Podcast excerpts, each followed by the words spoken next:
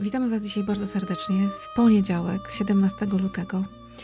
I ze mną dzisiaj na kawie, oprócz oczywiście Jana Pawła II, który tutaj cały czas jest w swoich relikwiach, to jest ze mną Agnieszka. Szczęść Boże, Agnieszka. Szczęść Boże wszystkim. Bardzo się cieszę. w innym kontekście w ogóle się widujemy, bo dotąd kawa adwentowa, a dziś kawa z Janem Pawłem II. I dzisiaj tekst, który do nas dociera, to tekst z drugich Światowych Dni Młodzieży, w ogóle szok. Rok 1987.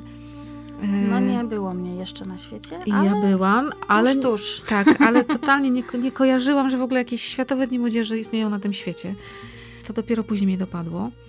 Te Światowe Dni były w Argentynie. I to rozważanie, które dziś przeczytasz, to jest rozważanie podczas czuwania modlitewnego, które zawsze na Światowych Dniach Młodzieży jest. Także teraz. Przepiękne, więc chcemy go posłuchać. Zwracam się dziś z prośbą do każdego z Was, by osobiście zwrócił się z ufną i szczerą modlitwą do Boga. Tak jak ów niewidomy z Jericha, który powiedział do Jezusa: Panie, spraw, żebym przejrzał. Żebym ujrzał, Panie, Twoją wolę wobec mnie w każdym momencie, a przede wszystkim, żebym ujrzeć mógł Twój plan miłości na całe moje życie, który jest moim powołaniem. I spraw, bym wspaniałomyślnie mógł powiedzieć Ci tak i abym był Ci wierny na drodze, którą zechcesz mi wskazać. Jako kapłan, jako zakonnik lub zakonnica, jako świecki, abym był solą i światłem w mojej pracy, w mojej rodzinie i w całym świecie. Złóżcie tę oto modlitwę w ręce Najświętszej Panny, naszej Matki. Oczekuję od Was przede wszystkim tego, że odnowicie swą wierność wobec Jezusa Chrystusa i Jego odkupieńczego krzyża. Pomyślcie, sama odkupieńcza ofiara Chrystusa odnawia się sakramentalnie w każdej mszy świętej, także tej, która jest być może odprawiana właśnie blisko Waszego domu, szkoły czy pracy. Nie, Jezus nie przestał ingerować w nasze dzieje. Nie, On żyje i wciąż pragnie odnaleźć każdego z nas, abyśmy, o ile to możliwe, łączyli się z Nim każdego dnia w Eucharystii i z duszą w stanie łaski, oczyszczoną ze wszystkich grzechów śmiertelnych, przystępowali do Komunii Świętej. Pomyślcie także o pełnych powagi słowach, które Pan skierował do swoich uczniów. Jeśli kto chce iść za mną, niech się zaprze samego siebie, niech co dnia bierze krzyż swój i niech mnie naśladuje. Pragnę Wam przypomnieć, że Wasz krzyż to przede wszystkim codzienna walka o to, by być dobrym chrześcijaninem. W ten bowiem sposób stajecie się wspólnikami odkupieńczego dzieła Chrystusa i wnosicie wkład w braterskie pojednanie ludzi i całego stworzenia z Bogiem. Jakże to wspaniały program życia, wymaga jednak wspaniałomyślności. Zastanówcie się zatem, jakie powinno być wasze życie. Skoro Chrystus odkupił nas swoim męczeństwem, odpowiedzieć mu przeciętnością byłoby brakiem konsekwencji. Wszystko to wymaga wysiłku, poświęcenia i uporu. Wymaga, byśmy wciąż każdego dnia czuli ciężar krzyża na naszych barkach. Pomyślcie, że ów dar z samego siebie wymaga wyrzeczeń, zaprzeczenia własnego ja i afirmacji zbawczego planu Ojca. Wymaga złożenia w ofierze własnego życia i jeśli trzeba, oddania go za Chrystusa. Tak bowiem Chrystus zwraca się do każdego z nas, bo kto chce zachować swoje życie, straci je, a kto straci swe życie z mego powodu, ten je zachowa. Ten, kto myśli wyłącznie o własnych przyjemnościach lub zaspokajaniu ambicji, choćby z pozoru wydawały się najszlachetniejsze, chce zachować swoje życie i tym samym oddala się od Chrystusa. Musicie więc postępować tak jak Chrystus, który na krzyżu, powodowany miłością najwyższą, życie swoje oddaje za przyjaciół swoich. Bądźcie ludźmi wielkiego serca.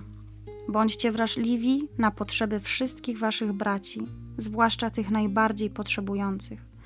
Dostrzegajcie wszystkie materialne i duchowe formy ubóstwa, na które cierpią wasze kraje i cała ludzkość. I starajcie się przeciwdziałać całemu złu w sposób konkretny, solidarny i radykalny. Przede wszystkim jednak starajcie się służyć ludziom tak, jak pragnie tego Bóg, nie oczekując żadnej nagrody i porzucając egoistyczne interesy.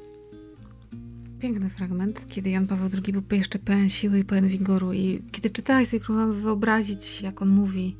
dotarło dzisiaj do mnie, jak Ojciec Święty mówi, oczekuję od was. I to jest mocne, że staje przed młodymi ludźmi i mówi, no spróbujcie może, no może wam się uda. Nie, ono nas oczekuje. Mam takie poczucie, że staje papież przed każdym i mówi, oczekuję od ciebie, masz być wspólnikiem Chrystusa w dziele zbawienia. Wow. Ktoś ode mnie czegoś chce. Dla młodych to jest niesamowite. No ale właśnie, to moja myśl z teraz, a dla ciebie co z tego rozważania ważne jest? No tak, w sumie jak mówisz, oczekuję, czyli w sumie wymagam, tak jak ojciec, prawdziwy mhm. ojciec wymaga od nas, pragnie, abyśmy szli dobrą drogą, uczy nas. Ale do mnie dotarły słowa, które są poniekąd wyrwane z kontekstu, ale tak naprawdę jakby się przyjrzeć, to cały potem tekst do końca, który przeczytałam, to jakby skupia się na tym. Wychodzi z tych słów, które do mnie trafiły. Tak, tak przynajmniej mnie się wydaje. Kiedy on zaczyna po prostu i mówi do nas, zwracam się dziś z prośbą o waszą szczerą i ufną modlitwę, i jeszcze w dodatku, żebyśmy tą modlitwę zawierzyli Najświętszej Maryi Pannie. I potem jakby y, zaczyna na bazie tego y, rozwijać ten temat, właśnie tłumaczyć, dlaczego mhm. właśnie tak, a nie inaczej.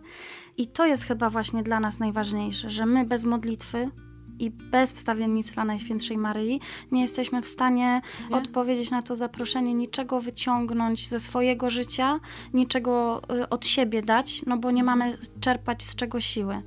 A jeżeli wszystko zawierzymy Najświętszej Maryi Panny, gdzie droga do Pana Boga jest w ogóle o wiele prostsza razem z nią i gdzie nie zawierzymy, mhm. nie zaufamy sile modlitwy, naszej wytrwałości w modlitwie, no to nie jesteśmy w stanie niczego no tak, zrobić. bo jakby pogłębia ofertę Chrystusa, tak? Kto chce iść za mną, niech zaprze samego siebie, niech weźmie swój krzyż, niech mnie naśladuje. No, tak jak mówisz, bez tego zawierzenia, zakotwiczenia serca w modlitwie i, i zawierzenia Matce Bożej, to to przerośnie człowieka, bo on mówi bardzo trudne rzeczy do młodych. Tak. Musicie wymagać, musicie tak zrobić, musicie być wierni, musicie być y, posłuszni, musicie być uparci. Jejku. Tak, jeszcze właśnie tu pod koniec tego tekstu, gdzie on mówi, że tak bardzo potrafimy uciec w te takie różne przyjemności inne, to co oferuje nam dzisiejszy świat, a on właśnie uczy nas, prosi nas, żebyśmy zaczęli od siebie wymagać, że jakby nie to da nam pełnię szczęścia, że z tego mhm. musimy nauczyć się rezygnować. To jest taka moja myśl w tym mhm. całym tekście. Z tego wychodzę, że że bez tej ufnej, szczerej modlitwy, ufnej, właśnie ufnej, bo my często mhm. się podłamujemy już po jakimś czasie, jeżeli coś nie wychodzi, coś się nie udaje, to mówimy, no nie, no bez sensu, tyle już się modlę, a to i tak nic, nic nie wychodzi, a, a często jest tak, że, że, że Pan Bóg nam daje dzięki tej modlitwie zupełnie coś innego, na co Otwiera nie czekaliśmy, tak, czego nie oczekiwaliśmy od Niego, a jest dla nas dużo lepsze, okazuje się potem. Więc na pewno ta ufna, szczera modlitwa i zawierzenie Najświętszej Maryi Pannie, a reszta to myślę, że wszystko jakoś pięknie się nam uda i potoczy. To dziś Was z tym, kochani, zostawiamy. Taka kawa. Z modlitwą i z Matką tak. Bożą dzisiaj. No i z Janem Pawłem też, no wiadomo. On jest mistrzem zawierzenia. To to stus. To jest w ogóle potęga. Cały Twój. Cały Twój. To dzisiaj niech nam to chodzi po sercu. Niech nam to chodzi po sercu. No dzięki Aga za tą kawę lutową. Ja również, również dziękuję. Dzięki ogromne. No i mam nadzieję do zobaczenia na następnej kawie. Do zobaczenia. Święty Janie Pawle II. Módl się za nami.